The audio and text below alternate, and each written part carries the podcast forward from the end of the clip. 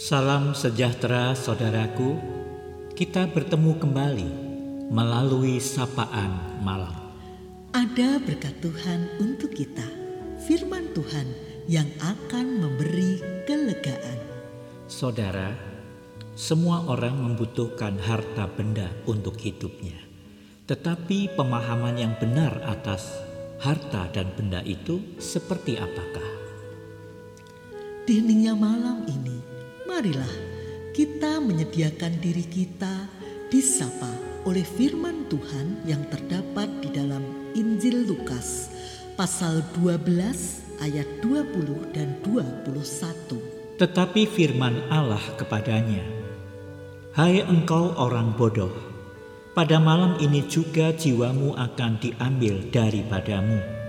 Dan apa yang telah kau sediakan untuk siapakah itu nanti?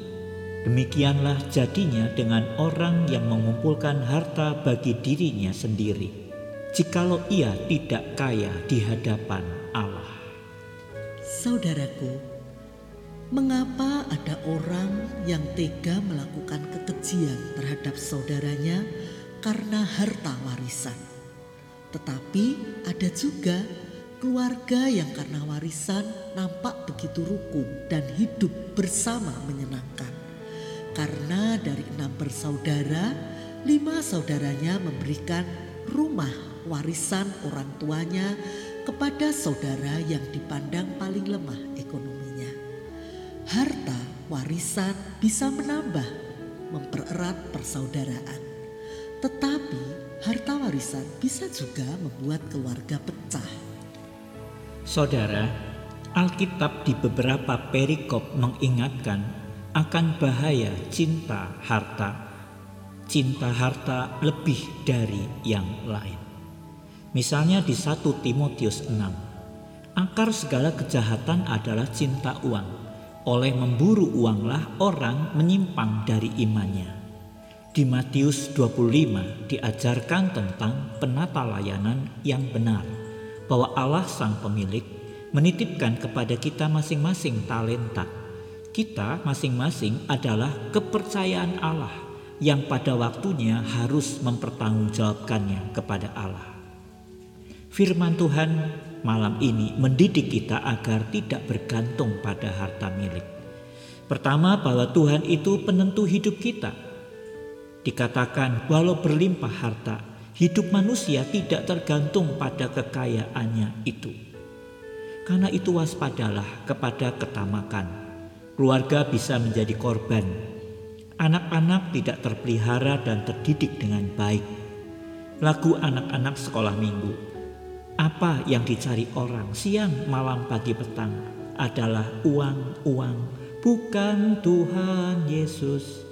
Ada kisah juga anak yang minta uang kepada ayahnya supaya bisa membeli satu jam waktu ayahnya karena dia rindu ngobrol dengan ayahnya yang selalu sibuk dengan pekerjaannya.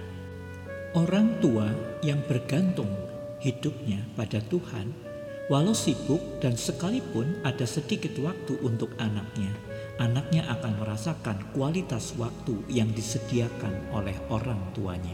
Hal yang kedua yang penting Firman Tuhan mengingatkan bahwa harta tidak bisa menjamin kebahagiaan. Terlalu banyak orang kilah pikirannya akan bisa selalu bersenang-senang karena tabungannya yang melimpah dan tabungannya itu adalah jaminannya. Saudara jangan lupa bahwa waktu hidup kita adalah milik Tuhan. Hanya Tuhan yang menjamin kebahagiaan. Sebab hidup kekal adalah anugerah Tuhan. Harta itu memang penting, tetapi ia seperti air bagi kapal yang berlayar. Air itu penting, tetapi janganlah air laut itu menguasai kapal, karena kapal itu berarti dalam bahaya dan bisa tenggelam. Yang ketiga, hal yang penting, jadilah kaya dalam Tuhan, supaya ada rasa cukup dengan yang ada Kaya dalam Tuhan itu terkait bahwa hidup ini diakuinya milik Tuhan. Kita dicipta Tuhan dan telah ditebus dengan darah yang mahal. Hari ini kiranya kita memiliki pemahaman yang benar terhadap harta, bahwa Tuhan adalah penentu hidup kita, bukan harta. Harta itu penting, tetapi sebatas alat, bukan tujuan. Biarlah kita dapat menjadi orang yang kaya di dalam Tuhan, dan sekalipun harta sedikit, kita akan memiliki damai sejahtera, karena tempat bergantung kita adalah kepada Dia yang dapat diandalkan, yaitu Tuhan. Tuhanlah pengatur hidup kita.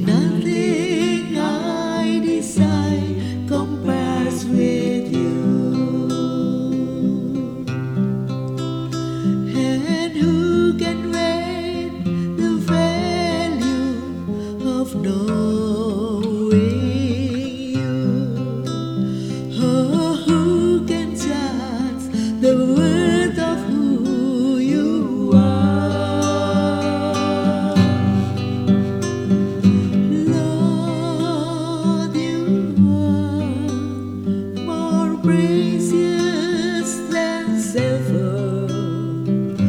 Lord, you are more costly than gold. Lord, you are more beautiful.